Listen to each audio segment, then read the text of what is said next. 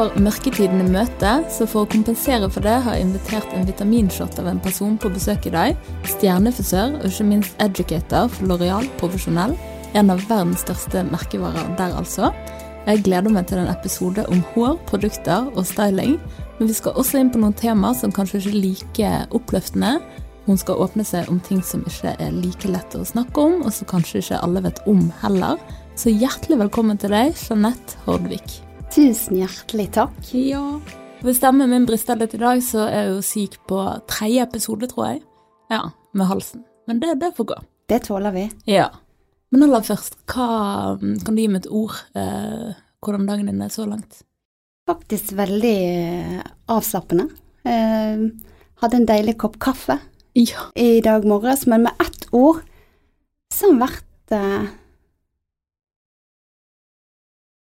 energirik. Ja, Ja, det er jo mitt inntrykk at du er da, som person. jo, takk. Ja, du sprudler jo, så det, det skal vi jo grave litt mer i. Ja, Men uh, i Drømmefanger starter vi alltid bak i tid, så vi må helt tilbake til når du var liten jente.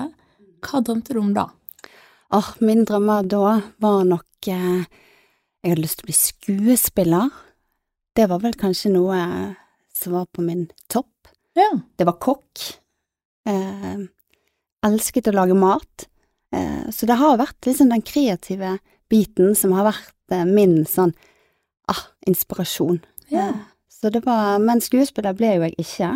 Nei. Men eh, jeg har eh, Jeg drømte vel aldri faktisk om å bli frisør. Det gjorde jeg ikke. Så det kom litt sånn fra intet. Ja. Ja. Det er noen elementer da fra, fra den, eh, hva skal man si, skuespillerverdenen, da.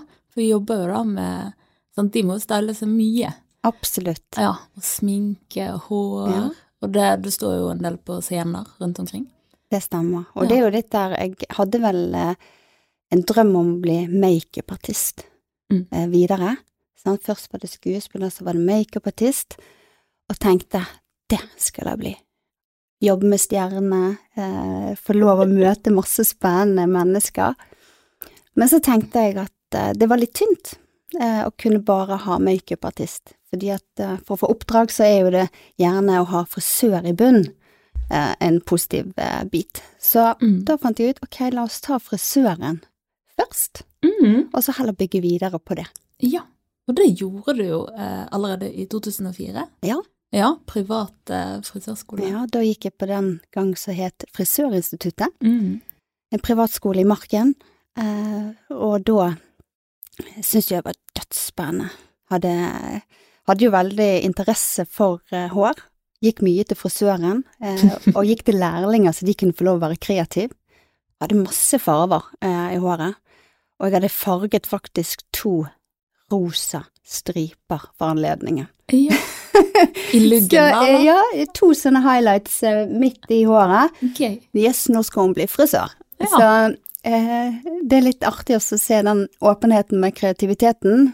I forhold til hvordan jeg er i dag, så er jeg nok litt roligere. Uh, ikke så crazy på håret som jeg har tidligere vært. Ja. Men hva var det med frisøryrket som på en måte lokket det inn? Nei, det var vel det å kunne skape eh, frisyrer på mennesker, kunne gjøre de ja, av den vakreste utgaven av seg selv, eh, kunne gi de eh, en god følelse. Det var jo liksom Mm. noe av det som jeg brant for, eh, å kunne bare, ja, gi en god service. Merket du at du gikk eh, veldig blidere ut av stolen når de kom inn? Ja. Ja. Det gjorde jeg. Og deilig selvfølgelig, noen ganger så kan jo du kjenne på at «Åh, nå ønsker denne kunden den og den frisyren. Klarer jeg det? Mm. Eh, spesielt i begynnelsen. Jeg ble hevet ut i ganske tidlig eh, Mm. når jeg startet i lære. Eh, og eh, selvfølgelig ikke så sikker, Mm. men, eh, men jeg klarte jo å gi de den gode følelsen. ja. Eh, og jeg tror at det handler så mye om den servicen og mottagelsen på kunden. ja.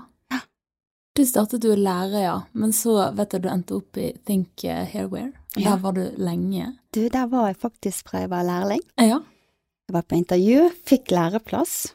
Vi var to fra klassen og var superstolte, for dette var jo en helt ny kjede som eh, startet på Exhibition. Og det er den første, ja? Den som Ja, er på ja, okay. den som er på Exhibition. Nå har dere utvidet veldig. Ja, der er det De har nå Er det ti salonger de har fått? Ja. Hvis ikke de faktisk opp i elleve. ja. Det er i hvert fall en del her i sentrum, Ja, det borte med det. Fløyen og Det er Fløyen, og det er Exhibition, det er på Sandsli, Ja. Så de har mange eh, salonger rundt om i Bergen, Mm. og eh, det ble jo mitt hjerte, eh, for jeg var lærling der. Og så Mm. fikk jeg lov å jobbe meg oppover. Hadde faktisk også et år i Oslo der, i 2008. Aha. Hva For- gjorde du i Oslo? Ja, da kom makeup-biten inn. Ja. Da var jeg ferdig med læretiden min, og eh, hadde lyst til å fylle på. Da hadde jeg frisørutdannelsen, og kunne på en måte tillate meg å gå videre på makeup. Så gøy. Ja.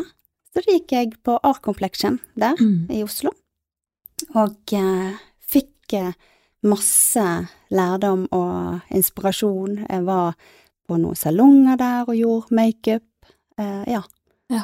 Men så er det et helt annet marked der borte, vil jeg tro, i hvert fall for makeup og det å Ja. liksom måtte style folk før eventer og sånn i forhold til her, da. det, det var nok det, og eh, jeg sto nok litt sånn på vippepinnen der i forhold til skal jeg flytte til Oslo? Men samtidig så har jeg et sånn hjerte for Bergen. Det har jeg òg. Eh, så det var så vanskelig å skulle shit, skal jeg bli her? Eh, kanskje nå angrer jeg litt på at hvorfor gjorde jeg ikke det? Mm. Eh, for å på en måte utvide på en måte både nettverk og alt, men Mm. eh, samtidig så tok jeg med meg masse av den erfaringen jeg hadde fått Ja. eh, i Oslo, Mm. tilbake til Bergen, sammen med da til og med en samboer. ja. Ja, så, Så- du fant i Oslo? Ja. Ah, Så fantastisk. han Er østlending? Han er østlending. Ah, gøy. Hvilke egenskaper tenker du at man bør ha som frisør? Jeg tenker jo at man bør ha en serviceinnstilling og en på-knapp, kan man si, eller pågangsmot. Mm. Være kreativ og ha lyst. Ja. Det er liksom Hvem som helst kan jo bli frisør, Mm. så så lenge du har eh, evnen til å se mennesket, for det tror jeg er ekstremt viktig, Mm. du er nødt til å se mennesket som kommer inn døren. Mm. Ja. Wow. Det virker jo veldig gøy, altså det er jo nesten et yrke jeg kunne tenkt meg selv. Altså det er jo Ja. det er så mye spennende, og det er så gøy med produkter, og det er å leke med farger, og leke Ja. med utseende, både sitt eget og andre sitt. Absolutt. Ja. Det er jo, sant, eh, du får eh, folk eh, i stolen, sant, og de gir virkelig tilliten til deg. Mm. Så det også kunne få lov til å skape magi, og bare få frem enda bedre det mennesket som sitter der, Mm. det er jo fantastisk givende. Ja. Og når du kan se noen som bare smiler og føler seg bra, Mm. det er en god følelse. Ja. For for et ansvar. Tenker på hvis du eksempel styler en brud, sant. Viktigste dagen kanskje i livet til den personen. Og da, du må jo føle på den der Nå gjelder det, på en måte. Mm. Ja. Du må liksom gå inn i den rollen, Mm. eh, og jeg tror at eh, når jeg har stylet mange bruder, eh, og jeg tror at min oppgave da, det blir nesten som en forlover i tillegg, sant, Ja. du skal sørge for at de har det bra. Så noen tilfeller jeg har vært i, da har jeg liksom tenkt, de der forloverne har de tenkt å gjøre en innsats her, Ja. fordi at de skal jo på en måte Mm. sørge for at bruden har mat, de skal sørge for at bruden har drikke, Ja. alt liksom skal være Mm. så når du har bruder, så gjør du egentlig alt ifra dette med håret, og feiler du på den, Mm. så er jo du Ja. ganske, ja, litt ute. Ja, for apropos hvis vi går tilbake til eh, når du var lærling, da. Ja. Da vil jeg tro, altså det tar jo alltid tid å på en måte bli trygg i hvilken som helst eh, profesjon, sant. Ja. De fleste har jo hatt en eller annen jobb der du gjør feil i starten, og så må du bare bli tilgitt, og så må du bare fortsette. Ja. Men det er kanskje mer synlig, da, som frisør. Hadde du noen sånne episoder? Ja, altså jeg, eh, når jeg var lærling, så klart at jeg syntes jo det var skummelt. Jeg husker jo da min eh, mentor den gang, Kristin på Exhibition, eh, som eier salongen, hun presset meg ut i det meste. Mm. Og selvfølgelig noen ganger så tenkte jeg, er du gal, hvordan skal jeg få til det? Men hun hadde jo troen på meg, Mm. og jeg var nok selv litt usikker, Ja. men det har gitt meg så vanvittig mye lærdom og trygghet, det at man blir faktisk presset litt. Og det gjør litt vondt, og det føles ikke alltid like godt, Mm. men man vokser så uendelig mye på det. Og Mm. feil, Det gjør jo man, men det er jo da man absolutt lærer aller mest. Mm. Ja. Jeg føler sjefer har jo en tendens til å se potensialet ditt, og de ser fortere enn du gjør når du er klar for en ny eh, oppgave da, på et nytt nivå. Ja, og hun, hun kunne nok se det, og hadde troen på meg. Og det òg er jo viktig å ha troen på dine ansatte, Mm. og gi dem både tillit, space, i forhold til å kunne få være seg sjøl, sant. Fordi at hver enkelt er jo unik, og hver enkelt trenger litt ulik med tid. Ja. Sant? Eh, Noen tar ting veldig fort, mens andre trenger å ja, fylles på litt mer, litt etter litt. Sant. Men eh, du ble jo etter hvert sant? Du var jo frisør der i Think, men du ble jo Ja. også daglig leder. Ja. Ja. Hvordan så liksom en vanlig dag ut på jobben eh, i den rollen? Som en daglig leder, jo, da hadde du like mye kunder, Mm. men du hadde også personalansvar, eh, og du skulle sørge for at butikken eh, hadde det de trengte i hyllene, eh, så det var egentlig bare toppet oppå det du hadde allerede. Eh, og på den tiden så var det det Askøy jeg ble daglig leder, Mm. Og fikk lov å være med å åpne opp den salongen, som var superspennende. Mm. Så jeg hadde faktisk kunder som kom fra Knarvik, Oi. til Askøy. Det er et og- kompliment. Og, ja, det var, herregud, det var fantastisk eh, Mm. hyggelig at de ville reise den lange veien, selv om jeg var begynt å eh, på Askøy. Mm. Så det var veldig spennende. Så der var jeg daglig leder i noen år, og så var jo det noen barn innimellom her, så Ja. litt mammapermisjon. Mm. Og så startet jeg i Strandgaten, eh, rett her nede. Ja. Så da har du vært frisør eh, på flere lokasjoner, mm. og vil du tro at man danner veldig mange relasjoner. Og i dag, Absolutt. vi skal inn på det senere, i dag jobber du jo med helt andre ting. Nå er det frisøren som er kunden din. Mm. Men har du fortsatt de relasjonene til de kundene du hadde? Jeg møter jo av og til kunder fremdeles, spesielt inn på Strandgaten, når jeg går innom der og sier hei til de. Mm. Og da kan jo jeg møte noen av disse kundene eh, jeg hadde, og det er jo utrolig kjekt. Men man også, når du når jeg begynner på et nytt kapittel igjen, så slipper jo man litt det. Men jeg er jo innom salongene, så jeg, eh, ja, jeg møter jo på. Så gøy. Og vi hadde jo ekstremt mye sånn hårshow, visninger, eh, Girls Night Out eh, på diverse utesteder. Mm. Så det var vel vi også ganske sånn kjent for. Ja. Og der skapte jo masse relasjoner. Så kult. Eh, så det var dødsgøy. Hvem sin idé Det er vel ikke så mange som gjør det. Hvem sin idé var det? Nei, Det var min idé. Ja. Ja, så da hadde jeg ansvar for det litt sånn kreative. Eh, show, visninger, Mm. eh, samarbeid med utelivsfolka. Så skapte vi da forskjellige eventer. ja. Det, det syns jeg kan huske at Kevin Murphy har hatt en god del sånne show i Bergen, har de, det? de har i hvert fall kanskje hatt eh, De har jo hatt litt visninger i Bergen. Ja. det kan stemme. Mm. Eh, men et, det var egentlig frisørsalongen som Ja. hadde disse her eh, eventene. Mm.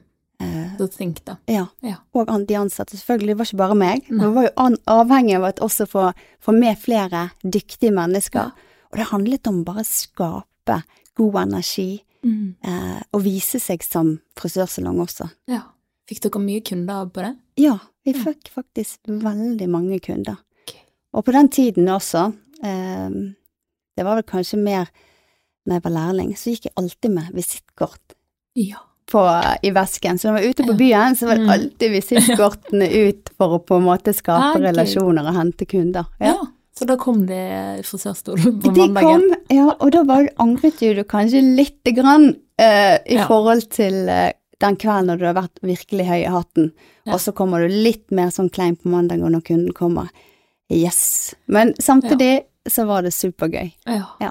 Herlighet. Er det en tid du savner? Jeg savner vel kanskje litt den tiden som jeg jobbet i salong, ja.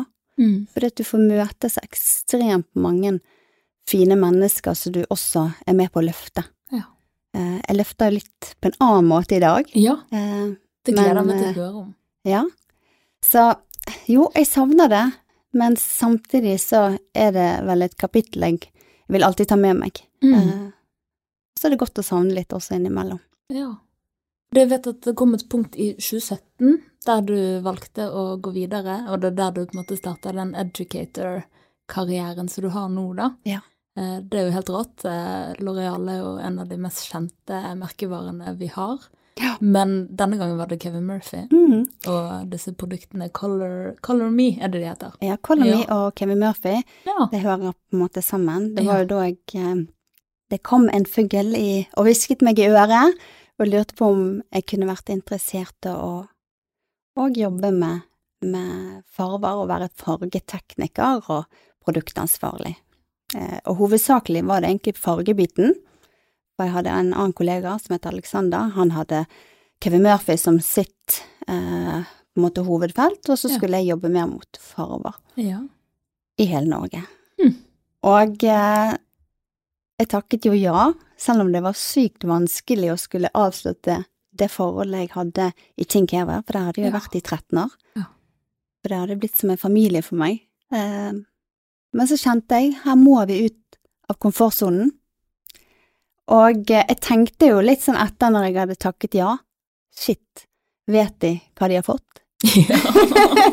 kan jeg dette nå, så jeg skal presentere? ja. Men jeg lærte jo så mye underveis, og Mm. når jeg snudde meg tilbake etter seks måneder, så Mm. så jeg jo allerede den kurven som man hadde utviklet seg på. Ja.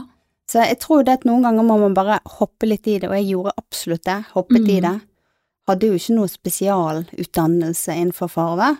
Jeg hadde bare farget vanvittig mye. Ja. Ja. Men hva tror du det var som gjorde at du turde å stupe uti noe helt nytt i forhold til det du hadde gjort før? Eh, jeg var veldig lite redd for å feile. Eh, jeg tenkte ok, hva kan gå galt? Eh, og jeg tror at jeg vet at jeg har på en måte smil og en god energi. Den har jeg, den er jeg så sikker på. Og Mm. kunnskap, det kan du alltid lære deg. Ja. Så, og så var det nok viktig for meg at um, da min sjef sa ok, ikke forvent at du skal kunne dette her i dag, men snu deg tilbake om gjerne seks til ni måneder. Da kan du si yes, eh, nå har jeg lært meg hele denne reisen. Oh, så deilig å ha den personen på lag, da. Ja. Mm. Og det var nok viktig for meg i det møtet at, at han sa til meg at eh, eh, det er ikke forventet at du skal kunne alt i dag. mm. Som ga meg en trygghet på at dette kan jeg klare. Ja. Og det gjorde du jo. Det må Ja. ha vært en utrolig gøy eh, jobb. Veldig spennende. Eh, og jeg reiste jo land, håper jeg, land og strand, både innland og utland. Mm. Eh, det var veldig travelt på den tiden. Mye reising. Så på et tidspunkt så følte jeg nok at jeg var ute mer enn jeg var hjemme i mitt eget hjem. Ja. Eh, så, men kjempespennende, og jeg er veldig glad for at jeg fikk være med på den reisen. Lærte mm. supermye. Og måtte jo selvfølgelig ut av denne komfortsonen ganske mange ganger. Eh, Det å stå på scenen, det var jo ikke jeg vant til. Snakke foran Bare holde et kurs. Ja. Det var jo ikke jeg vant til. Jeg hadde jo mine ansatte som du er trygg på. Mm. Og så er det veldig rart idet du står i et, et rom så du holder kurs, så eh, Du kan det, men allikevel hjertet dunker i 190, og jeg tenker å, shit, Ja. kan jeg det jeg skal si nå? Men det er nok bare det at man ja, man skal kjenne litt på nervøsiteten, og eh, og det gjør det jo bare sterkere, og Ja. man er jo bare et menneske. Mm. Eh, og mest sannsynlig så kan jo du mer enn de som sitter i det rommet eller salen. Absolutt. Mm. Vet du, du har litt tanker rundt det der å hoppe ut av eh, komfortsonen og liksom hva som er på andre siden av den frykten. Men det er jo sjeldent at man er født med de tankene. Det er jo gjerne noe man tilegner seg gjennom livet, da. Så hva er det som har gjort at du har fått, fått Nei, så troen det på det? det er et litt sånn ordtak som jeg har med meg, og det er jo noe med bak frykten er friheten. Og det er liksom et sånn godt sånn ordtak, så hvis man tygger litt på den, for hva er man redd for? Mm. Man er gjerne redd for å ikke prestere, men hvor deilig er ikke det når du har faktisk gjennomført det? For det er en sånn frihet bak der, Ja. og en god følelse. Så den tar jeg med meg, og det er nok mye min faktisk samboer som har eh, liksom gitt meg de rådene og tipsene i Mm. forhold til å tenke litt på det. Ja. Eh, fordi at eh, Og jeg synes det er et godt ordtak, ordtak som jeg, jeg tenker mange kan bruke. For vi er jo Vi er et menneske som eh, Alle er redd Ja. noen ganger. Mm. Og veldig mange syns jo ting er skummelt. Men den følelsen etterpå, hvis vi bare kommer oss gjennom det, Ja. så både lærer man, og den følelsen er så vanvittig deilig. Mm. Og det viser jo gjerne at noe betyr noe. Vi snakket jo om det i sted før vi gikk på luften her, men sant, jeg er jo Ja. nervøs hver eneste pod Altså- fortsatt. Ja, jeg kjente det. Etter Kjente meg litt sånn svett i knærne. jeg tenkte gud, har jeg litt sånn shaky stemme nå? Uh, Mm. Og det er jo fordi det betyr noe, sant. Mm. Eh, man har lyst til å prestere, man har lyst til å på en måte gjøre et godt inntrykk, eller Ja, eh, Ja. Så det er jo en god ting. ja, jeg tenker det også. Og om stemmen skulle skjelve litt, gjør det på en måte noe. Nei. Eh, Men jeg tror vi ser til andre hele tiden og tenker at de ser alltid ut som de har Mhm. så kontroll, og gjerne vises det jo ikke like godt på utsiden at man er nervøs, sant? så man tenker Nei. at alle andre ikke er det, mens man er det selv. Sant? Ja, helt rett. Mm. Og det er nok mange som kan tenke mm, og si du er ikke litt nervøs. Mm. Du skulle bare sett meg innvendig nå, eh, så ville du nok eh, sett at den eh, kurven gikk ganske ja, sikksakk. Så Men man klarer jo ofte å ta på seg en maske òg. Mm. Det er jo man også god til etter hvert. Mm. Så Men jeg tenker ah, det, det gjør ingenting. Nei. Det er helt greit. Og til og med si det. Du vet hva, nå er jeg faktisk litt nervøs, Ja. men det er greit. Det er Kunne du gjøre det på show og sånn? Eh, ja, det kan jeg. jeg. eh, Når vi har hatt visninger, eh, og jeg har stått på scenen, så har jeg noen ganger sagt shit, nå er jeg så eh, nervøs at jeg tørker jo Jeg tørker inn i munnen. Det er noe som skjer. Vanligvis så altså Jeg prater jo mye til daglig. Tørker jo aldri inn. Når jeg av og til skulle bare Nå holder det, ikke mas. Men når jeg står der i rommet, og det er nok den nervøsiteten som tar meg, Mm. at jeg liksom blir helt sånn uh, Så da bare sier jeg det. Ja. Og det er greit. Og det har jeg på en måte jobbet litt med. Uh, man trenger ikke være helt perfekt, og Mm. uh, ja. Folk heier på deg, Mm. tenker jeg. Jeg velger å tenke at de som er der i rommet, de heier på deg, og de vil jo at du skal få det til. Ja. Ja, det føler jeg oppriktig at folk gjør, altså. Ja. Ja. Og der har jeg også en sånn egentlig litt sånn fin episode. Jeg er jo ikke superglad i engelsk. Mm. Jeg har noen svakheter der, Um, men det er jo også øving, og man må bare hive seg ut i det. Og jeg skulle presentere på engelsk. Det var på en, eh, en Hva skal jeg si det heter? Det heter eh, trening, så jeg var i Rotterdam. Mm. Alle snakket jo engelsk. Og jeg skulle presentere, og jeg kjente å, jeg håper at jeg blir syk, håper jeg kapper av med foten. Altså, det var sånn, Uff. jeg bare har ikke lyst. Det var helt forferdelig. Og da eh, Men jeg måtte jo, for jeg måtte gjennom sånne eksamener og diverse. Eh, og så tenkte jeg, hva er verre? Hva er, hva er det verste som kan skje her? Jo, det er jo at jeg dør. Sant? Det er jo ikke noe verre enn det. Nei. Men å bare gjennomføre det Hva er det verste? At folk syns at du er, er dårlig i engelsk. Det er ikke verre enn det. Nei. Hvis noen syns det, så må de synes det. Ja. Men i det rommet så var jo ikke det sånn.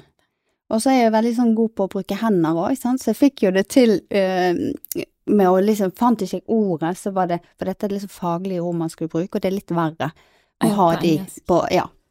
Eh, og eh, ja, det, det var jo en sånn deilig igjen følelse etterpå. Ja. Og den historien og den, den øvelsen der har nok tatt med meg også videre. Mm. Det der å så stå i et rom selv om det er ekstremt ubehagelig. Men, men hva om hvis noen syns du er dårlig? Spiller det noen rolle? Nei. Du har gjennomført. Ja. Og det gikk jo bra. Og da er det jo glemt ofte òg, sant. Det sier jo Absolutt. TV-verden sendt til glemt. Altså, Det er ikke lenge etterpå du går og tenker på noen som tabber seg ut Nei, eh, nei, nei. på TV, for eksempel. Nei, og det var jo flere i dette rommet, det var jo ikke bare meg. Nei. Og man satt sånn og heiet på alle. Liksom, du er superbra. Mm. Eh, knallbra. Du, du faktisk sto der og presenterte på et, et språk som ikke er ditt Ja. morsmål. Mm. Så ja, men det er jo en øvelse. Ja. Vi har blitt litt bedre etter hvert i engelsken nå. Ja, jeg får mye trening. Det har vært mye Ja. show. Jeg tenker show må være altså, utrolig mye gøy både å se og oppleve, og det er ofte mange spennende folk, og Ja. det er liksom Det er jo showtime, på en måte. Har du noe sånn høydepunkt fra din showkarriere? Ja, det må vel være eh, Kanskje ikke fra jeg sto på scenen selv, men jeg var backstage i Milano, Mm. eh, der vi jobbet med Elite Models. eh, finalistene der, Mm. på den store finalen. Og det var jo helt sinnssyk opplevelse. Ja. Eh, vi sto med hodelykter på, på backstage og skulle omdanne fra en frisyre til en annen, samtidig som en rød leppestift ble tatt på, Ja. og jeg skulle kamme i håret. Ja. Og hun som er makeupartist foran meg sier med streng beskjed, nå må du ikke bevege eh, håret så mye, sant? At du skal Ja. jobbe på team, sant? Og disse skulle jo rett ut på, på scenen. Eh, så det, den opplevelsen der, den var helt vill å få lov å være med på. Okay. Så, og jeg har jo, ja, jeg har fått gjort masse. Eh, masse rekk, ja, veldig mye forskjellig. Eh, fashionshow som jeg var på, det er faktisk ett år siden i København nå. Mhm. Eh, fikk være med en som designet til Søren Le Smith. Og det også få være med òg for å transformere altså modeller som er en del av kolleksjonen, sant, til å se på visningen og se det fullstendige uttrykket. Det er eh, utrolig spennende. Ja. Ja. Gud. Vet du også har hatt et personlig høydepunkt på et av disse showene. Ja, Det det, skjedde noe. det, det skjedde noe, faktisk. Det Det var jo dele. Du, det skal jeg dele. Det var jo helt sinnssyk ut av meg selv-opplevelse. Det var i 2019.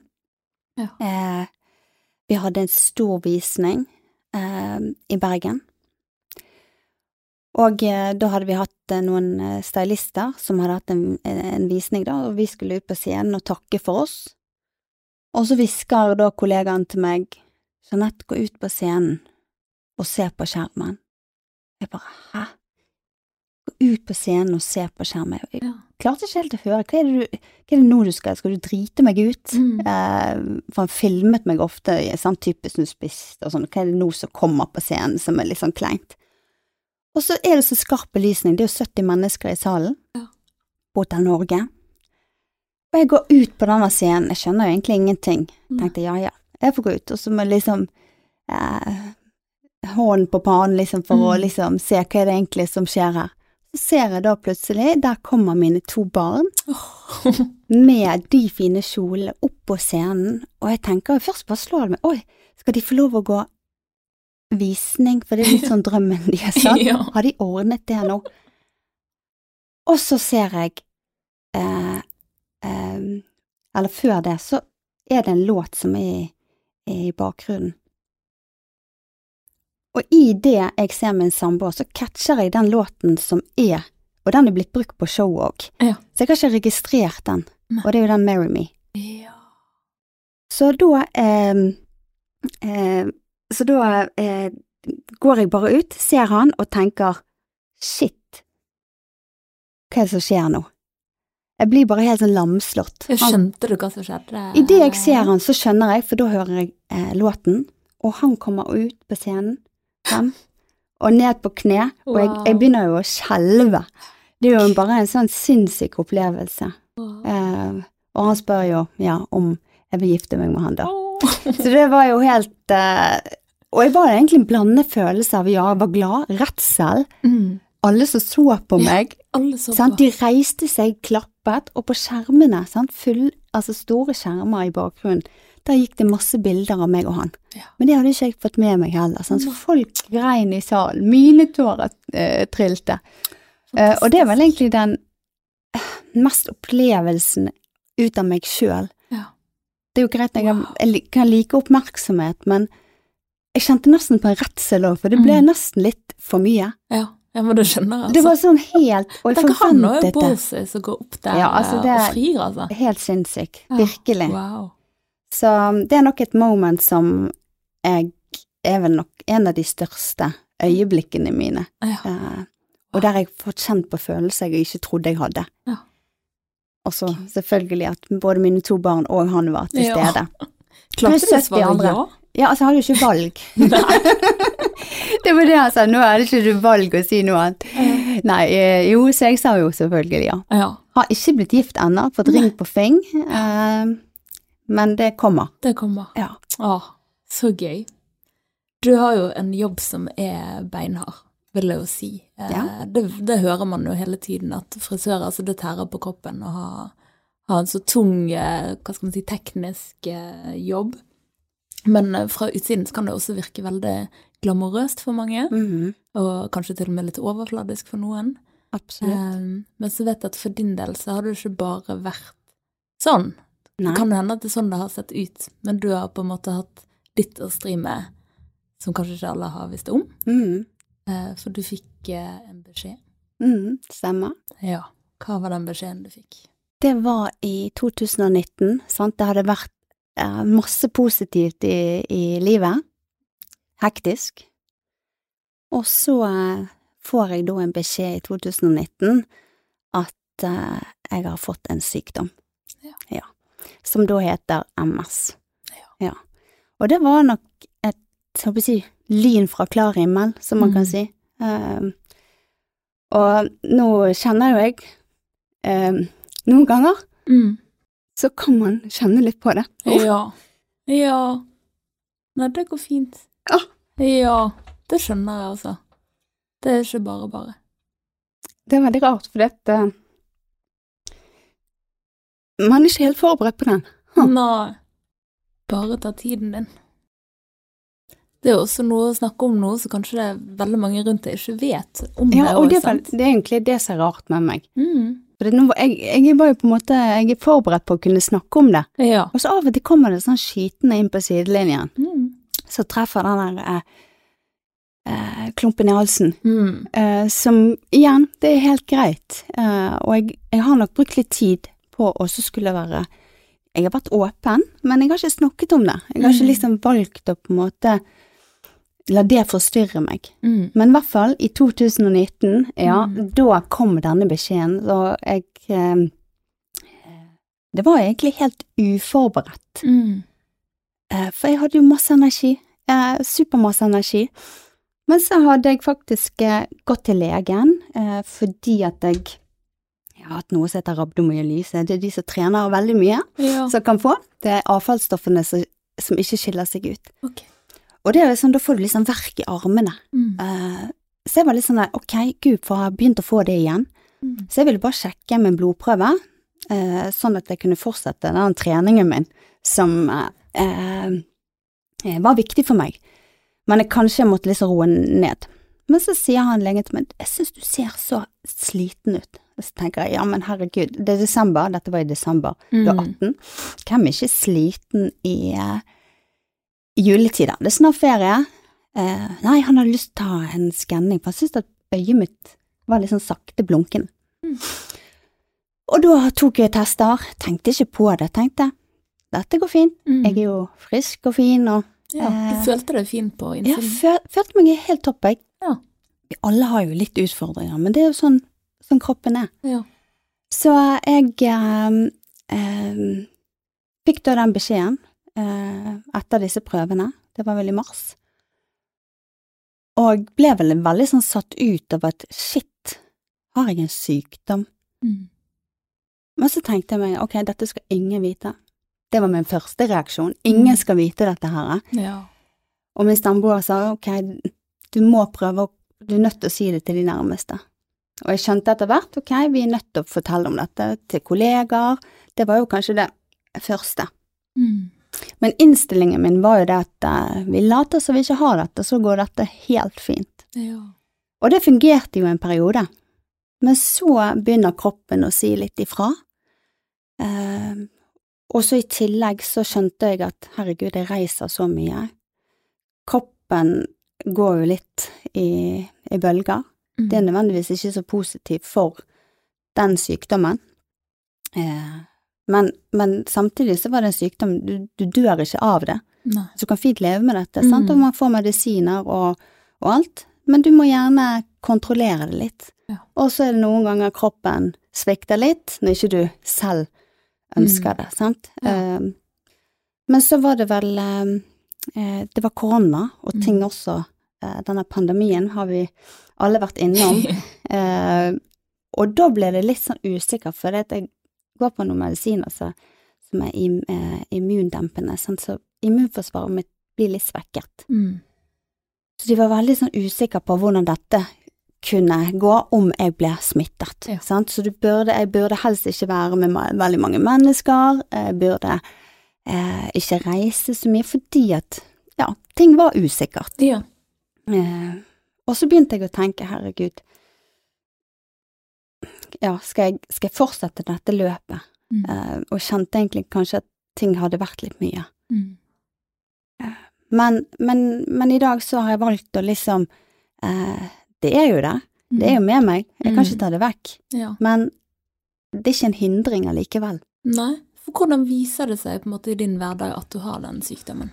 Nei, du ser jo nødvendigvis ikke utenpå. Nei, det eh, gjør sant? man ikke, altså. Eh, og det er veldig mange som sier når Ja, de, de vet ikke det, men har gjerne fått vite det, og så hæ, du, du Mm. som er så mye energi, hvordan kan du? Og det er jo klart at man tar jo på seg et lite eh, Skal jeg si filter, eh, og gjør en innsats for å på en måte eh, Og det tror jeg er på en måte en, en styrke jeg har, sant. Jeg legger ikke meg ned. Jeg tenker ok, eh, jeg må heller prøve å lytte litt til kroppen. Mm. Eh, og noen ganger så er det sånn at jeg kan kjenne at ah, i dag eh, var det gjerne nok med det ene kundebesøket, og så må jeg jobbe litt på PC-en. Ja. Eh, at jeg tilrettelegger det på den måten. Mm. Og det er jo veldig fint i forhold til jobben jeg også har, at Ja. jeg kan tilrettelegge det. Ja, du har muligheten til det. Ja. Og klart at lange dager, ja, da får jeg gjerne igjen for det dagen etterpå. Mm. Eh, jeg har ikke vært superflink å lytte til kroppen, Eh, for jeg vil jo gjøre det. Jeg har så lyst. Eh, jeg har jo lyst til å ha den samme energien som jeg alltid har hatt. Men det er det så viktig at jeg ikke mister meg sjøl òg, Mm. og det føler ikke jeg at jeg har gjort. Nei. Eh, men jeg må noen ganger ligge litt på sofaen, men eh, Og det sier jeg til barna, noen ganger må jeg bare slappe litt mer av etter middag. Og så Ja. bare, men pappa slapper jo mer av enn deg, Ja. Og han har ikke sånn sykdom. Sant? ja. men så bra at du skjønner det, da. Ja, så, Ja. men, og det er jo jeg, jeg er heldig som har såpass mye energi fra før, Ja. eh, at um, ja, jeg prøver å liksom, jeg prøver å lytte Mm. uh, og tilpasse, mm. uh, men jeg synes det går superfint, og trening er jo min største medisin, Mm. Uh, det å holde seg i gang. Så klart at jeg, nå er det sånn, to Stolsen-turer i uken, det blir, jeg, jeg kan ta en, men to, da, da kan jeg kjenne at uh, det blir for heftig. Da er jeg litt sånn flat etterpå. Jeg syns det er imponerende bare til to, jeg. Ja. Jeg tar ingen. Men jeg går ikke på to, én er nok. Ja. Uh, ja. Men uh, nei da. Så, men, eh, men stort sett så går egentlig det veldig fint, og så er det Mm. noen dager som er litt hardere enn andre. Ja. Eh, det er det, men eh, jeg er flink å kaste på meg det der, den der masken og 'dette går fint'. Mm. Ja. Du virker veldig sterk, da, som klarer, eh, klarer å holde alt oppe, samtidig Ja. som det er jo en, eh, en sykdom som mange har hørt om, og det er jo ikke, det er ikke bare bare. Nei, og det er ikke det, men, men eh, et motsatte, hvis du legger deg ned, Mm. så hjelper ikke det noe ting. Nei. Så jeg tenker man må, må, må hente den energien man har, og hvis det kan være en motivasjon for andre, Mm. så gir det også meg en, en god energi. Ja. Sant? Så, men så er det lov også å være sliten innimellom. Det er helt greit. Ja. Og det er jeg, herregud. Vi er sliten, og, eh, og det blir man. Men det blir jo man som om man er syk eller ikke. Mm. Men det er vel kanskje det viktigste at man må prøve å tilpasse seg litt, grann, Ja. selv om ikke det er alltid like enkelt. Ja. Hvor mye visste du om den sykdommen før du fikk Nei, eh, jeg visste- Nei, Det er ingenting. Nei. Jeg hadde liksom heller ikke liksom, Selv når jeg var oppe og tok prøven og liksom eh, Og etterpå, når jeg fikk, fikk svaret, så jeg googlet ingenting, for jeg tenkte jeg har jo ikke dette. Ja. Så jeg satte meg ikke egentlig inn i det. Ja. Eh, nå vet jo jeg litt mer, Mm. men jeg, jeg er ikke en sånn som leser veldig mye om det, og Nei. Jeg prøver mer også eh, lese på hva jeg kan gjøre for å minske eh, si, eller holde hverdagen og, og, og kroppen mer stabil, da, Ja. eh, og hva som kan hjelpe meg, istedenfor å så lese så veldig mye om det, Mm. sånn at det blir en tanke hele tiden. Men den er jo med meg. Jeg har fått to bokstaver i vesken, og de Ja. blir med. Ja. Eh, og så går det fint. ja. Andre har det verre, Mm. og jeg kan leve med det. ja. Så, så det tenker jeg at eh, ja, og så er det masse, masse forskning. Stor forskning på det, så det er jo positivt. Ja, veldig. Eh, så ja. Nei, jeg eh, Det er blitt en del av meg nå, sant, og nå Ja. har jeg hatt det siden 19. Og nå er jeg blitt mer vant til det, selv om jeg, når du sa det i dag, så det er et eller annet som skjer i rommet. Når du, har- Mm. Du er liksom to og to, og du skal liksom åpne deg opp. Klart det. Så kommer plutselig den følelsen eh, som ligger der som du ikke alltid klarer å styre. Klart det. Eh, og da kan man kjenne litt på den der klumpen. Mm. Selv om man går fort over, så, så Jeg vet ikke, for det føles litt alvorlig i øyeblikket når man sier jeg, hei, jeg har en sykdom. Klart. Så blir det sånn shit. Eh, mm. men, men selvfølgelig, det er jo alvorlig, men Ja. samtidig så er det blitt en del av meg. Ja. Uh, og jeg vil vel ikke si at jeg blir veldig hemmet av det. Mm. Uh, jeg gjør de tingene som jeg har lyst til å Klart at det er noen ting, men det velger jeg jo ikke å fokusere på. Jeg tenker heller hva kan jeg få til, da? Mm. Uh, ja, hvor kan jeg hente energi? Ja, så bra. Dette er jo superinspirerende for alle som sant? Jeg har òg det, altså, skal gi det plass i denne episoden, vi har snakket om det før, sant? så kjenner vi veldig igjen det der at man kan ha en kronisk sykdom som ikke Mm. folk ser på utsiden, og tenker litt av denne klumpen, så du fikk jo gjerne at man bruker mye energi, mye ehm, hva skal man si, ekstra ja, du må ha et ekstra gir i hverdagen for å Mm. bare holde ting oppe og få gjort det man skal, sant, og, og da må man nesten ignorere litt at man har det man Mm. har, og når man da liksom blir konfrontert med det sånn Ja, så to, litt eh, to stykker i et rom sånn, så skjønner jeg godt at da Da kommer det litt sånn uventet. sånn. Ja. Eh, Men det, det er jo noe Det er Og det er jo sånn som du sier at Og det er nok Jeg har en sånn eh, Jeg vil jo ikke være hun som er syk. ja. Jeg har lyst til å være Jeanette med den gode energien, og det er jo det folk kjenner meg for, Ja. sant? Og det er, sånn som du sier, ja, man holder litt i det, Mm. og så når du kommer ut av rommet, så kan det godt være at shit, ah, nå ja. er jeg tom. Ja. Eh, for man Det er ikke alltid plass for det i det rommet du er, å Nei. skulle eh, dele den energien, sant? Men tror du ikke folk heller syns at det er enda mer eh, imponerende, den energien du har, liksom? For da er det jo til tross for at du faktisk har Ja. MS i tillegg, sant? Hvordan har reaksjonene vært fra de du har fortalt? Jo, det, det har egentlig vært et sånt sjokk. Hæ? Hvordan i helsike har du det? Mm. Du med så mye energi? Er du sikker på at det er det du har? Sant? Ja. Eh, så, og så klart at veldig mange òg er imponert over at eh, hvordan jeg på en måte får den kabalen til å gå opp med den eh, mm. også sykdommen. Men, men, eh, men det handler nok veldig mye om innstillingene mine.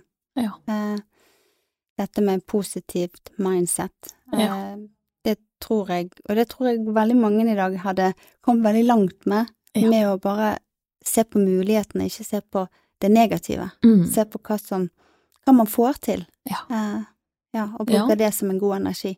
Ja, du er flink til å gi en sånn klapp på skulderen, at du, du klarer det bra? Eh, flink og flink kanskje ikke, Ja. eh, men eh, noen ganger så, så må jeg faktisk si det til meg selv, dette med at du er bra nok Ja. sånn som du er. ja. Og det ser jeg veldig mange nå når jeg er jo i masse salonger, masse unge mennesker, og de føler nødvendigvis ikke seg så flinke, Mm. og så sammenligner de seg med andre. Og det er jo noe som jeg prøver å si at husk, du er god nok Mm. som, som du er. Du kan heller bli inspirert av andre, Mm. men du skal ikke være som de andre. Ja. Og det tror jeg er viktig å tenke på at eh, jeg kan ikke være som akkurat hun kollegaen min som er råflink, men jeg kan bli inspirert av hun, Mm. og jeg har veldig mange dyktige kollegaer som jeg kan bli inspirert av, Ja. men jeg skal ikke være som de. Nei.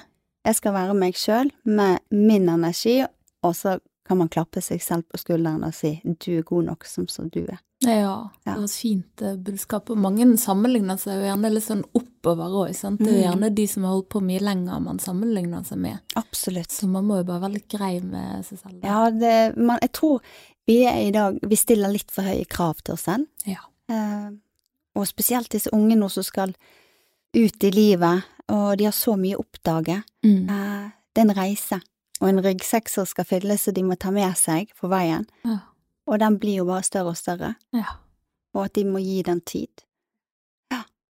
Men jeg tror det òg går på liksom disse på en måte fasadene vi alle har til ulik grad, da, men sant, det er jo den Det er jo det vi putter ut av det. Det folk sammenligner seg jo med den beste versjonen. Sant? Kanskje jeg ville sammenlignet meg med din beste versjon, du ville sammenlignet deg med min beste Ja. versjon, og så Ja. går det jo sånn. Det er jo helt urealistisk. Absolutt. Sant, så vet ikke de de tunge dagene du har eksempel med sykdom, eller den travle hverdagen Mm. du har som fotballtrener og Ja. håndballkontaktperson og sant, Du har jo mye mer eh, travel eh, hverdag enn bare jobben. Ja da, det Vi skal jo helst eh, ha litt armer og bein, så rundt om. Eh, men jeg liker jo det også. Det Mm. gir jo meg masse energi. Ja. Eh, men for en annen person ville ikke det vært tilstrekkelig. Nei.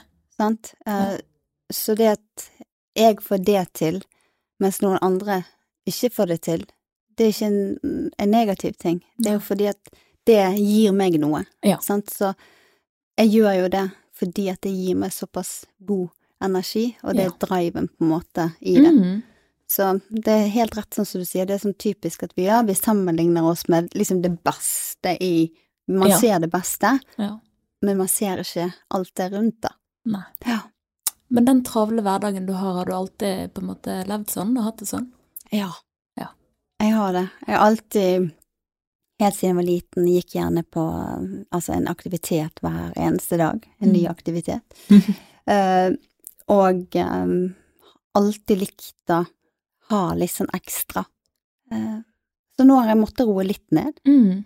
Så eh, Men jeg er fremdeles, ja, fotballtrener. Ja. En dag i uken. Når jeg ikke er på reis. Ja. Eh, og det er igjen fordi at det gir meg veldig mye. Det å kunne få lov å bidra til disse små spirene med min gode energi. Jeg er ikke steikegod på fotball, men jeg er veldig god på oppvarming. Sant? Så det er liksom å bruke sine kvaliteter. Ja. Eh, ja, og få lov å være med på å se på deres utvikling. Superspennende. Så gøy. Ja. Nå må bare sjekke å se, da er det din datter som spiller? Ja. Ja. Og se hun eh, blomstre sammen med de andre. Ja, det er kjempe, kjempegøy. Ja. Så det er, um, er så fint også å se. eh, og det er jo, litt sånn på bare hvordan et menneske kan utvikle seg. Sant? Det å ikke ha lyst til å stå i en ring og gjøre en øvelse fordi det er flaut, Mm. Til at du ser at du får alle inn i ringen og alle gjør øvelsene. Ja. Eh, sant? Igjen, komfortsonen. Vi begynner med den allerede fra vi er liten av. Ja. Eh, så jeg eh, Jeg tenker det er en så fin, eh, fin ting å kunne bidra med. Mm. Å få lov å gi disse små spirene og se på dem. Mm. ja. Det er fantastisk. Men vi var litt inne på det i sted, for det er sånn som du på en måte framstår, sant. Du ser jo alltid så fresh og flott ut, og masse energi, og så opplever du at du på en måte har blitt eh, Kanskje ikke misforstått, men at da at det er utenkelig for noen at også Mm. du kan slite med ting, eller at ting kan være vanskelig, eller at du en dag ikke har lyst til å smile, sant, Mm. og du har ikke lyst til å hilse til det, på disse folkene på gaten, eller ja, sånne ting. Opplever du det? Eh, Ja, jeg opplever jo absolutt eh, at jeg eh, Man ikke orker, sant. Ja. Eh, og det, sånn har jeg hverdager. sant? Du bare tenker 'Å, i dag orker jeg ikke', så bare litt ned med hodet inn på butikken fordi du ikke orker å snakke med Ja. Ikke fordi at det ikke det er hyggelig, eh, Mm. men fordi at kanskje ikke energien er helt der. Eh, Mm. Men i jobbsammenheng så kan du på en måte ikke velge helt. For hverdagen er jo der, og det er jo Min jobb er å komme inn til frisørene Mm. og trene de, eh, og motivere, inspirere. Sant? Så da kaster nok jeg på meg Selvfølgelig så har jeg en, en god eh, energi fra, fra starten av. Jeg er ikke ofte veldig sånn sur og grinete, men, eh, men selvfølgelig, jeg har tyngre dager. Men jeg er flink å kaste litt denne, og så kan jeg puste heller når jeg kommer ut. Ja. Hvordan eh, har du på en måte For det, det er veldig mye visdom her. Så hvis du skulle hatt noen eh, råd til andre som på en måte kjemper litt med å få den hverdagen til å gå opp, og til å hente nok energi, det å ha rett innstilling, har du noe Noen Tips tips? Eh, jeg tenker det som er viktig, det er å prioritere det som gir deg energi, og så heller ta vekk det som ikke gir deg så god energi. Så, og det er jo alt ifra om du liker å trene, eller om det er å være med venninner som gir deg god energi, eh, eller eh, ja, finne det som på en måte gir deg noe, og så Ja. faktisk ta litt vekk det som ikke nødvendigvis gir deg så god energi. Mm. Vi er jo litt sånn med vi føler forpliktelser alle veier, men det er kun deg sjøl som bestemmer over dine forpliktelser. Ja. Eh, og man må ikke være venner med alle, sant? Eh, det er noe, noe som på en måte ha de, bevar de vennene som gir deg noe. Ikke ta de som stjeler energien din, Nei. de som ikke vil deg godt. Mm. Det tenker jeg er viktig. Ja. Um, jeg får jo supermye energi sammen med mine kollegaer, sånn, så jeg er heldig som har gode kollegaer. Det virker som en så fin gjeng. Ja. ser dere på tur rundt omkring. Ja. Du, det er L'Oreal Profesjonell, vi er jo Team eh, Vest Pro. Eh, Jeg har selvfølgelig kollegaer over hele landet som er nydelige, men vi er vel nok ekstra nære, vi som er på Vestlandet, Ja. som gir vanvittig god energi til hverandre. Mm. Ja. Ja, det, det virker Så det er sånn, jeg altså. heldig, veldig heldig med. Så ja. Ja. Gleder meg etter, for nå skal vi inn i spalte, Ja. ting vin i fryseren, men etter den spalten, da skal vi høre litt mer om den eh, jobben for en av verdens største merkevarer. Spennende. Men først, hva fikk du til å le sist på internett? Åh, vet du hva, det er, jeg har en kollega som sender meg så sykt mye sånne reels. Og det var nok sist jeg eh, lo, da sendte han meg en, eh, en eller annen reels. Eh, det er jo bare sånne dumheter. Ja. Ja. Eh, jeg, det var faktisk en som kjørte bil, og så var det et barn bak som skulle ta av eh, lyset. Mm. Og så blir jo han så irritert og mer opptatt av at ikke han skal ta på det lyset, så kjører han. Tingen er er så dumt at det bare blir så morsomt. Så han, han spirer hverdagen med eh, litt av disse reelsene. Så Ja. gøy. Hva, og hvor drikker du helst på byen? Åh, jeg eh, elsker jo gin. Det er absolutt min favoritt, og jeg må jo si at eh, Børs, eller Fresco Halder, Mm. eh, har vanvittig gode eh, drinker. Men skal jeg ut og danse, så går jeg på, gjerne på Rebell. Ja. Hva er det beste komplimentet du kan huske å ha fått? Åh, det beste komplimentet. Mm. Det må være en som sa til meg 'du gjorde dagen min'. Å. Ja. Det er koselig. Hva var det siste du brukte penger på? Det var faktisk en bukse på Gina. Ja. Hysj, nei. Hvem er Bergens beste band? Åh, den er vanskelig. Mm. Jeg er mer eh, sånn på artister. Så Ben ah. Altså, jeg, eh, jeg syns den er vanskelig, men jeg liker musikken. Hvis vi kan Er A-laget, blir de et blir, Ja, de er jo et slags band. De er jo et slags en gruppe. Ja, litt der. Ja, kanskje Det blir vel kanskje det nærmeste, fordi at eh, jeg hører ikke så på så mye band. ja. ja, men A-laget, det, det er flere som har sagt de, altså. Ja, det er det, ja. Så da er jo neste at du må synge en strofe Oi. med din favorittsang Nei. Det, vet hva, da er du så heldig at jeg ikke kan eh, noen av de sangene her. Ja. Lurer du meg nå? Eh, Nei, og jeg er tonedøv. Nei da. Ok, Nei, men da, da skal du slippe. Har du en situasjon der du tenkte shit, det er faktisk meg som er drittsekken her? Eh, Ja, jeg har jo faktisk hatt det, men jeg vet ikke om jeg klarer å komme helt opp. Um, men da må jeg bare ligge meg dønn flat og så si sorry. Eh, her tok jeg feil. Ja.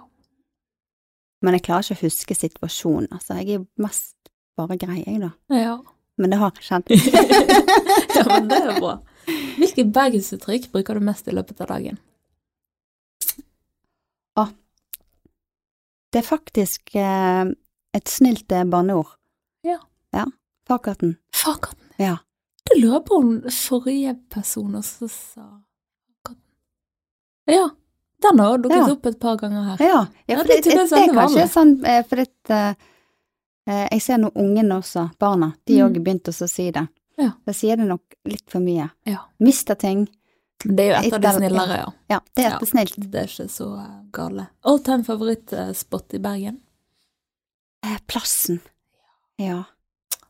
Ja, det er koselig. Der er det så De har er så mye gøy, sånn Ja. limonader og Ja. drikke. Og så er det så god service. De er så Ja. utrolig hyggelige. Enig. Så de får terningkast seks. Ja. Hipp hurra for plassen. Hva er din favorittduft? Eh, musk. Musk. Mm. Jeg er også glad i musk. Det er er helt fantastisk. Ja, nydelig. Åh. Den er sånn behagelig. Ja. Ja. ja. Ingen parfyme uten musk eh, Nei. her i gården. Nei, helt enig. Ulriken eller Fløyen? Ja, Fløyen. Ja. Du bor jo nesten der, så Ja. det måtte bli Ja, det nabolaget. er, det er nabolaget. Ja. Og til sist, hva ville du gjort hvis du kom hjem og fant en pingvin i fryseren? Oi, oi. Da hadde jeg skreket. Og jeg hadde overhodet ikke rørt den. Jeg hadde bare ringt til eh, Mest sannsynlig så har jeg ringt til min samboer. Ja. har at han måtte komme hjem med en eneste gang og fjerne det dyret som er i frysen. og så hadde jeg eh, fått noen andre til å, å, å tatt det. Ja. Ja, han, altså? Ja, han måtte ha tatt det. Ja. Men han hadde garantert nektet, han også, så da hadde det blitt kanskje min far. Ja. Gud, så du overlater det til noen andre? Ja. Det Ja. hadde jeg overhodet ikke tatt i. Ja. Da får jeg sånn øh, følelse inni meg. ja, men det tror de fleste gjør. Men det er mange som sier at de ville levert tilbake til akvariet. Ja, jeg hadde kanskje Jeg tror jeg har ringt politiet, for det er sikkert Det er kriminelt. Noe kriminelt har skjedd i Eller noe. ja. Nei eh, Ja, eh, stakkar akvariet. Da, jeg hadde jo redd at jeg hadde blitt mistenkt for noe. Ja. Ja. Jeg vil være snill med dyra. Ja, det er veldig viktig. Jeg er oppvokst med dyr, så respekt for alle dyr, men jeg er ikke kjempeglad i døde dyr. Nei. Hadde han vært levende? Ja. Var levende, forresten? Han kan være levende. Han kan være Det er litt opp til den som jeg tenker han er død, sant? Nei, han kan være levende òg. Ja, ja Det har vært litt diverse hva Ja. folk har tenkt her. Ja, for hvis han hadde vært levende, så hadde da hadde jeg ringt til akvariet. Ja. Da hadde jeg tenkt, lukket opp, shit, dette er det sykeste, jeg må ringe. Ja. Men hvis han hadde vært død, så hadde jeg uh, fått rygget litt mer bakover. Ja, men jeg liker det. Det begynner å bli mange eh, pingviner Ja. fra drømmefanger som plutselig blir levert bort i akvariet. Ja. Men det var den spalten, og før spalte så åpnet jo du det litt opp om ting som kanskje ikke har vært så lett, Mm. men det har også vært mange lyspunkt, og jeg vet at i 2020 så fikk du på nytt en melding Ja, med ny Det er mange meldinger på deg, det er mye meldinger. med nye muligheter ja. for da L'Oreal Profesjonell, som eh, jeg sier det igjen, en av verdens største Det er jo en av verdens største merkevarer. Det må jo være helt fantastisk rått å jobbe Ja. for, eh, for de, så hvordan gikk det seg til? Du, det var helt spesielt. Eh, Det var faktisk Jeg tok en, et bilde på Insta. Ut på tur, aldri sur. Litt sånn. Ja. Jeg var på Fløyen. Og så sender hun faktisk Hun som er kollegaen min i dag, hun sender Mm. meg en melding. 'Hei, er ikke du på jobb?' Men dette var da Jeg var akkurat på det øyeblikket så var jeg permittert. Nei, det er permittert. Ja, men begynn hos oss, sier hun. Jeg bare, ja, men dere har vel ikke noe ledig stilling? Jeg skal ringe til sjefen. Åh. Og så fikk jeg litt sånn shit. Ja, dette var bare sånn. Men Mm. der får jeg en telefon av da salgssjefen, og eh, han spør om jeg har tid til en prat. Om vi skal ta en prat, og hvor skal vi gjøre den, sier han. Eh, nei, vi, skal jeg komme på kontoret? Nei, eller vi skal gå en tur. Så vi går opp Stolsen og Oi. har et intervju, på Ja. en måte. Ikke et sånn tradisjon- Yes.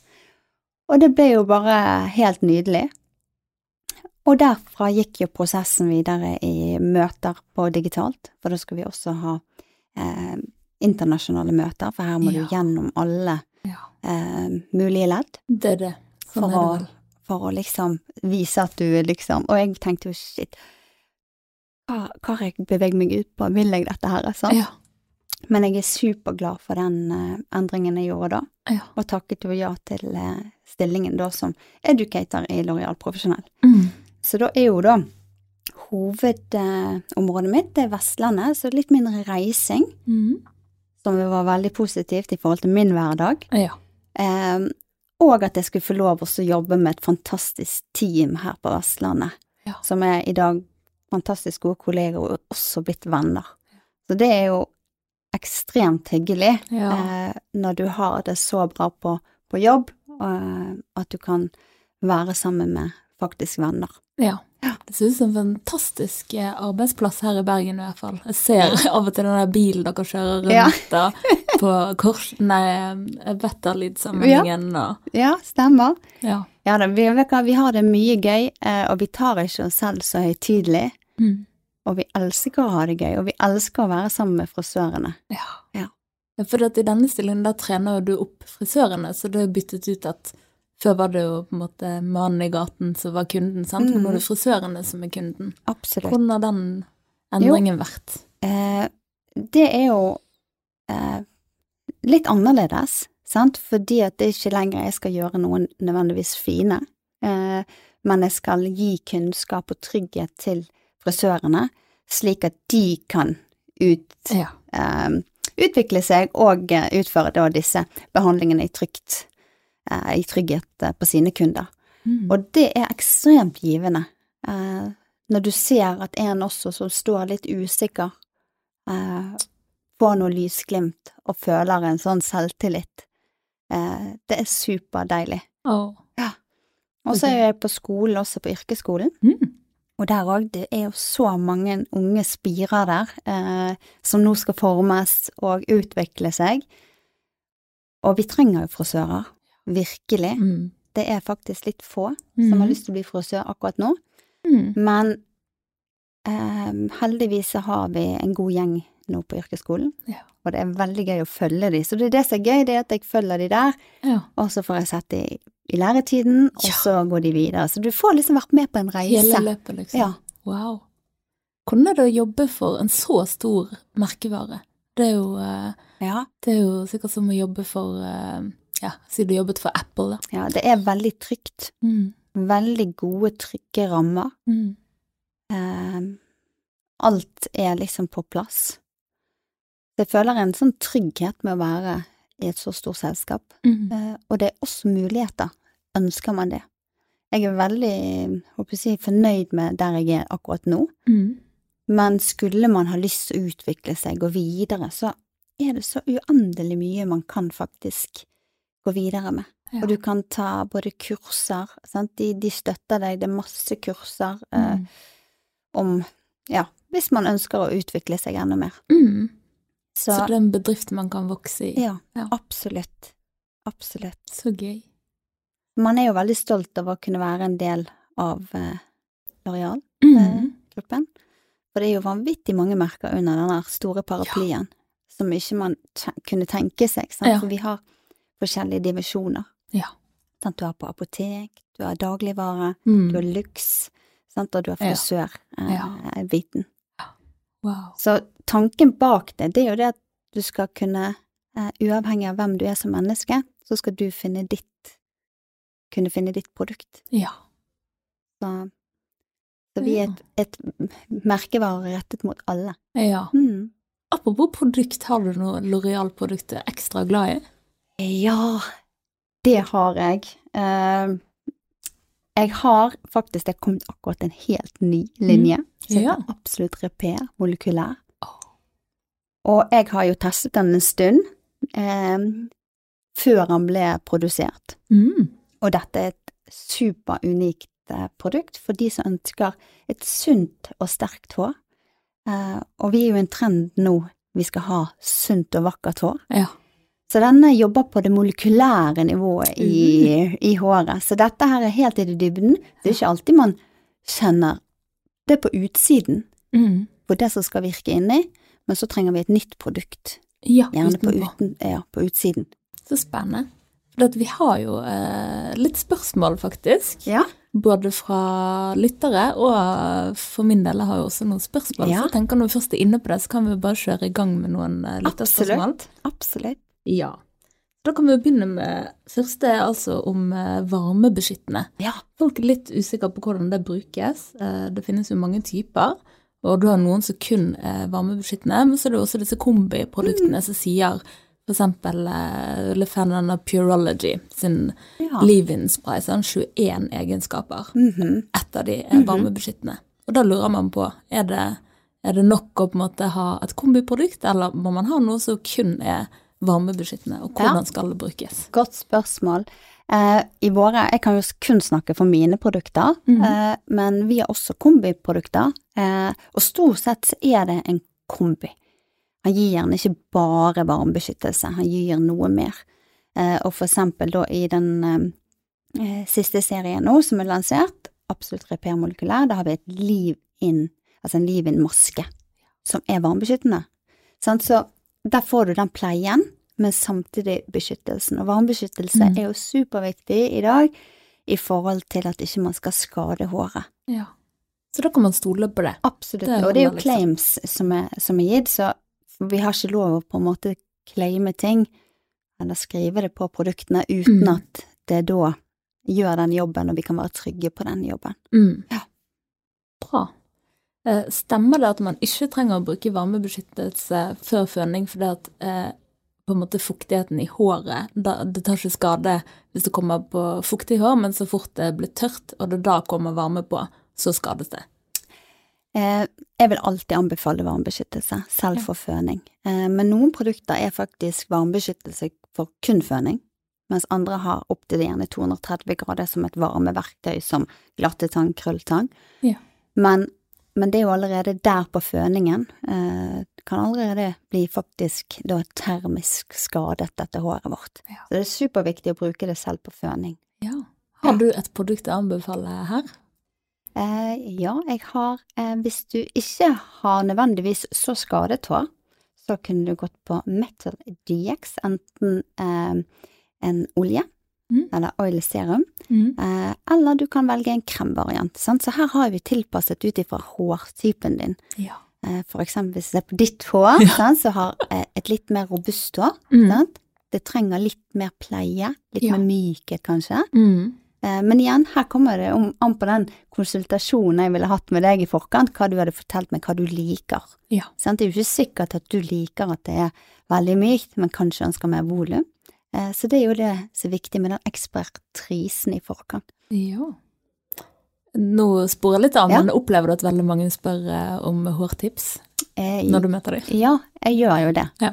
Før var det sånn at uh, når jeg gikk på masse forspill og sånn, så skulle du ha tips. De skulle helst ha uh, Kan du fikse meg på håret samtidig? Mm. Uh, samtidig ville suge ut av deg alt du kunne komme med. Ja. Ja. ja. Men liker du det, eller? Ja, jeg syns det er kjempegøy. Ja. Absolutt. Så bra. Ehm, nå er det mitt spørsmål. Jeg har hørt at Livenbalsam kanskje er det viktigste produktet du kan ha i en hårpleierrutine. Hva tenker du om det? Det tenker jeg det kan være veldig viktig for enkelte, Mm. for det er så individuelt. Mm. Så jeg ville vel kanskje ikke sagt at det var det viktigste, men det kommer an på hva håret ditt trenger, Ja. for hvert hår er så forskjellig. ja. Da må jeg spørre, hvis du skal tenke på generelt grunnlag for bare sunt hår, da, hva tenker du er det viktigste produktet? Og på en måte kanskje investere litt i, da? Eh, gjerne en eh, hårmaske. Mm. Mm. Noe som gir litt ekstra pleie. Ja. Mm. Har du noe spesielt å anbefale der som kan passe de fleste? Det er, jeg, jeg tror ikke jeg kan si til deg at det vil passe alle, fordi at det er tilpasset hvert produkt er tilpasset. Derfor er det så fint å kunne gå til frisøren sin Ja. og få en, det vi kaller en konsultasjon. Det vil si at ok, hva bør jeg bruke? Ja. Fordi at venninnen min kan bruke én ting, Mm. men har et helt annet hår, Mm. så det vil nødvendigvis ikke passe til ditt hår. Det er veldig bra at du sier, for det, jeg følger gjerne Blowout Professor på, Ja. på YouTube. Ja. Han har jo veldig mange bra tips, men han er jo veldig på det der at uh, Hele poenget er jo at det er jo individuelt.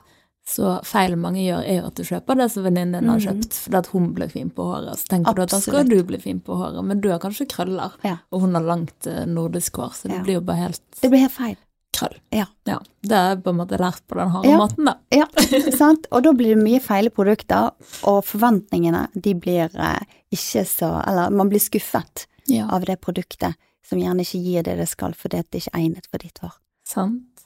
Og her er til. Eh, bør man vaske håret to ganger alltid, og når det skummer, vet du da at det er rent. Ja, det er en sånn god regel. Det Mm. er veldig fint. Man tenker ofte første runde, det er å få vekk eh, driten, Mm. eh, og så gjerne på nummer to så vasker man det rent. Altså, Ja. Får du en deilig skumme. Så bra. Eh, hvordan styler man et sunt nordisk hår som ikke holder på hårsprayprodukter? Ja, og det er en eh, Det er jo veldig ofte man tenker hårsprayen skal liksom holde alt, men det er preppen i forkant. Ja. Så gjerne at man har noen eh, gode primerprodukter å føne inn, for å så krølle, for å så gjerne bare låse det med en hårspray. Men det som er viktig, det er å ha de gode prep-produktene. Godt tips. Men da, har jeg, da kan jeg faktisk komme med et veldig godt eh, prep-produkt, så der, det kan passe veldig mange. Ja, ja. Det er faktisk Pli i L'Oreal Profesjonell, oh, i Teknier. takk. Mm. Da håper jeg at den som spurte om det, får vite det. Ja. ja. Eh, nå er vi tilbake til mitt spørsmål, sant? for jeg har jo opprinnelig krøllete hår. Mhm. Men gjennom en uke så bytter jeg jo veldig på å ha rett, og så vasker jeg det, så har jeg krølle, og så Mhm. vasker jeg det igjen, og så har jeg rett. Og jeg bruker to vidt forskjellige serier Ja. ut ifra? En Hva du ønsker. Mm. Ja. Eh, men så har jeg lurt på, går det an å få litt færre produkter i dusjen? Er det mulig å, å bruke det. Er det noe som på en måte kan, eh, Jeg ville nok kan eh, passe til, til alt? Ja, altså, jeg ville ha tenkt håret ditt, hva type det er, Mm. hva det er behov for. Mm. På ditt hår så Mm. tenker jeg fukt er det som står høyest. Det trenger mye fukt. For et krøllete hår, det er jo det du har uavhengig om du retter det, så er det Ja. krøllet Mm. i teksturen sin. Ja. Og de har ofte, det krøllete håret har eh, mindre fukt. Det trenger input av fuktighet. Mm. Så da ville jeg gått for en fuktighets, eh, enten om det er en krølleserie eller om det er en fuktighet, Ja. som er det daglige. Mm. Og så veksler du heller mellom et styling som vil fremheve krøllen, Ja. og et pleieprodukt, gjerne en, en leave-in-krem, for å roe ned, varmebeskyttelse, eh, for å tynge litt når du vil ha det rett. Smart. Det skal jeg ta med meg. Ja. Hva er dine egne favoritt-topp tre-produkter til hår? Og da tror jeg jeg må faktisk si eh, leave-in-masken nå i eh, Absolutt Repair Molekylær, Mm. og Rinsopp Serum. Mm. Eh, Det er to av mine nå absolutt stjerneprodukter. Mm. Og så er det Pli. Ja. Pli. Pli i. Skrives det PLI Ja. eller PLEA? Nei, Pli. Pli. Rett Ja. frem. Ja. Eh, og det er det som jeg prepper stort sett håret alltid med Mm. når jeg skal ha rundbørstefønede, eller om jeg skal ha krøller. Ja. Det er veldig fin eh, frisyre du, da, men bruker du sånn rundbøste for å få de Ja, Nå ser jo ikke litt det, sånn som- wavy. ja. Ja, disse wavyene, du, det har jeg helt siden eh, jeg var lærling. Mm. Så har jeg hatt et stjerneverktøy som heter Babyliss, Mm. eh, som en rundbørste, føn. Ja. Altså, den er bare så steikegod, Ja. og kan, du kan få Hollywood-håret på 1, 2, 3. Fantastisk. Ja. Hvilke produkter anbefaler du til fargebehandlet hår, og hvordan vet man om man skal bruke lilla sjampo, blå sjampo eller sølvsjampo? Ja.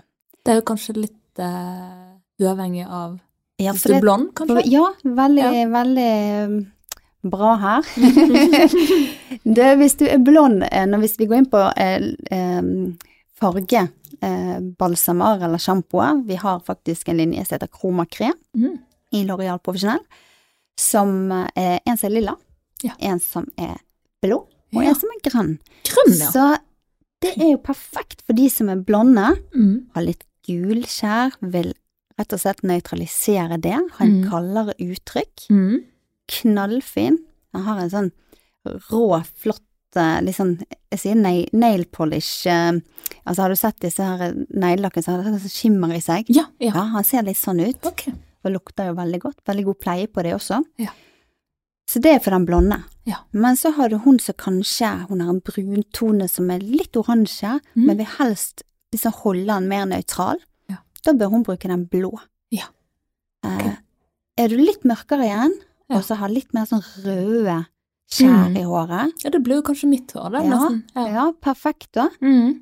for å nøytralisere de røde og holde en nøytral farve. Mm. Så her har vi tilpasset ut ifra, altså Ja. hadde jeg brukt den grønne, Ja. så ville ikke det blitt bra, da hadde jeg gått på en smell. Da hadde jeg fått, bruker jeg bruker den lilla, lilla. Ja. for å liksom få det kaldere, eller holde på en måte på den eh, fargen jeg har. Bruker Ja. den en gang i uken, helt Mm. topp, sammen med en annen pleie. Eh, Ved hjelp av produkter, hvor lenge kan man på en måte utsette neste frisørbesøk? Hvis du f.eks. har stripete, eller har tatt en sånn helfarging eller Mhm. toner, sant? Ja. Hvor lenge kan man ved å bruke gode hjemmeprodukter på en måte utsette den der turen tilbake for å tone det på nytt, eller stripe på Eh. nytt? For du skal jo ikke bleke det så ofte. Nei, eh, men kanskje produktene de kan jo hjelpe deg å på en måte, sånn som jeg ser, holde den blonde tonen klarere, eller brune, eller mørkebrune farven. Men så tror jeg, selvfølgelig med stylingprodukter, sant, du kan jo se bedre ut. Mm. Men klart det kommer en ettervekst der, og det kommer en tid der du, du helst skulle, men kanskje du Lommeboken kanskje sier at du må vente litt til. Eh, Mm. og da vil jeg anbefale, istedenfor å tenke produkt, da ville jeg kommet inn til frisøren og tatt en glossing. Ja.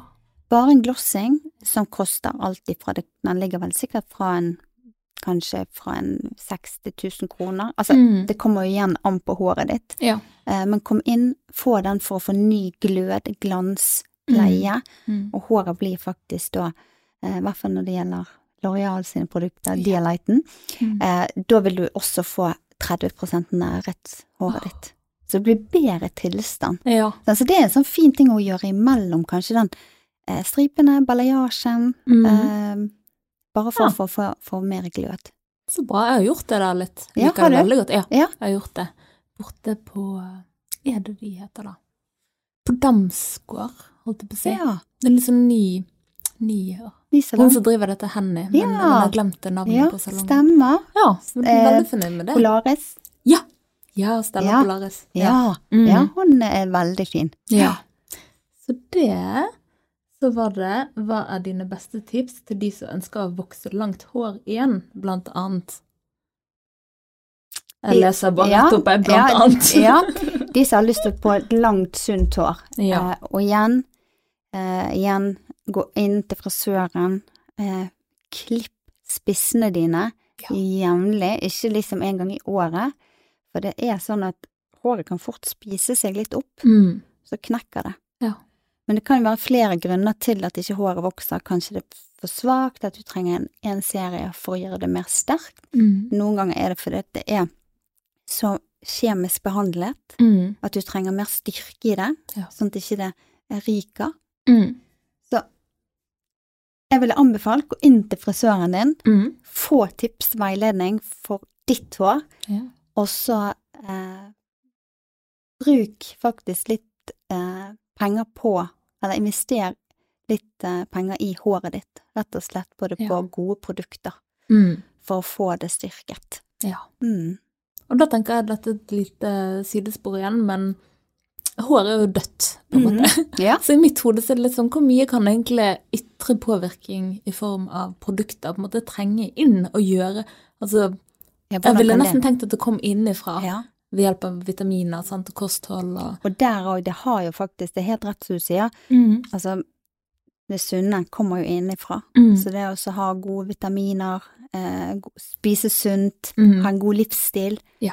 Eh, man kan ofte se på, altså, til og med stress kan Mm. påvirke i forhold til håravfall, sant?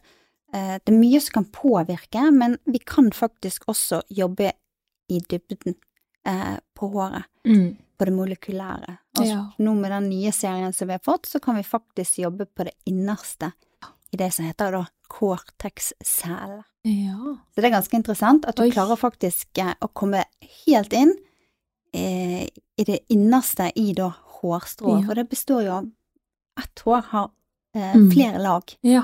Så det er sånn eh, Wow. eh, veldig interessant. Så det er litt sånn revolusjonerende teknologi? Absolutt. Ja. Gud. Hva tenker du om alle disse her um, TikTok-trendene med risvann og oljehodebunn og Har du fått med deg Ja, litt av det? det ja. har jeg. Og det er jo veldig interessant. Mhm. Eh, men nå er jo det sånn at eh, det er jo en grunn for gjerne det er eksempel på vårt laboratorie over 3000 forskere mm. eh, som sitter og får den perfekte blandingen av mengden av om det er, som du sier, risvann, sant, eh, Mhm. eller om det er olje.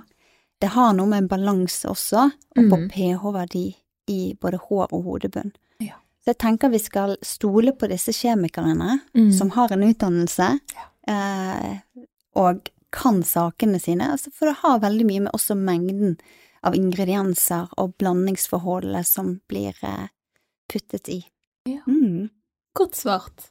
Og helt til sist, eh, hvor ofte tenker du at man bør dra til frisøren og ta en stuss eller en klipp, eller? Eh, ja, eh, det igjen, er du herre, så går du gjerne hver sjette til Mm. åttende uke, Mm. sant? Er du megler, så går det hver tredje uke. Ja. eh, sant? Eh, eller eh, jeg vil vel sagt at eh, Igjen, det kommer jo an på helt hva du gjør. Ja. Eh, sant? Men om det er klipp, så ville jeg anbefalt hver tredje måned. Fått Ja. en stuss på håret. Eh, striper er litt individuelt. Nå finnes det så mange eh, eh, quick fix. Jeg gjorde sist gang en Mm. quick fix, bare på toppen. Ja. Og litt i front. Da ser jeg bra ut, men Ja. nødvendigvis ikke gjennomgående. Nei. Føler meg bra, Ja. eh, og det er nok. Ja. Så bra. Men Det viser at det er flere veier til eh, målet. Ja, og vet du hva det er? Bare gå inn til salongen, hør hva de kan gjøre for ditt budsjett. Ja. For vi er gjerne i litt sånn budsjettverden Mm. nå, Ja. sant? Vi har ikke så mye Mm. nødvendigvis rutte med, Mm. og da er det fint å kunne tilpasse. Ja. Ja. Opplever du at det er noe som blir litt mer nedprioritert nå, i forhold til sånn som det har vært? Folk er litt mer sånn omtenksom når de velger. Mm. Eh, jeg føler faktisk at eh, når det gjelder beauty, Mm. eh, hår og, og hud, Mm. så er det noe folk prioriterer. Ja. De lar gjerne være å faktisk De handler heller billigere matvarer Mm. for å så ha råd til å gå til frisøren. Ja. Men- Men så er det kanskje noe med at vi må tilpasse Kanskje det er litt svir litt å bruke de 4000, mm. så kanskje denne måneden hadde jeg bare 2000, Mm. og det er da å finne ut hva kan man gjøre for de Ja. eh, pengene jeg har i budsjett. Ja. Og det er bare å snakke med frisørene, så kan de tilpasse det. Mm. Så bra. Mm. Det var dessverre alt vi rakk for i dag. Skulle ønske vi kunne sitte her mye lenger, for dette har vært veldig interessant. Og Veldig kjekt. utrolig glad for at du ville komme hit og dele alt du har gjort. Sikkert ikke alt som var like lett å snakke om, men vi kom oss nå igjennom. Ja, det gjorde vi, og tusen takk for at jeg fikk lov å være med. Ja. Det var veldig kjekt å prate med deg Ja, og fortelle min historie. Tusen takk. Jeg gleder meg til denne episoden når eh, lytterne, og til dere som hørte på, tusen hjertelig takk for at du ville høre denne episoden. Og hvis du vil følge oss, så kan du gå på Facebook eller på vår nyopprettede Instagram, som er drømmefanger en dobbel underscore, faktisk. Og da snakkes vi i neste episode.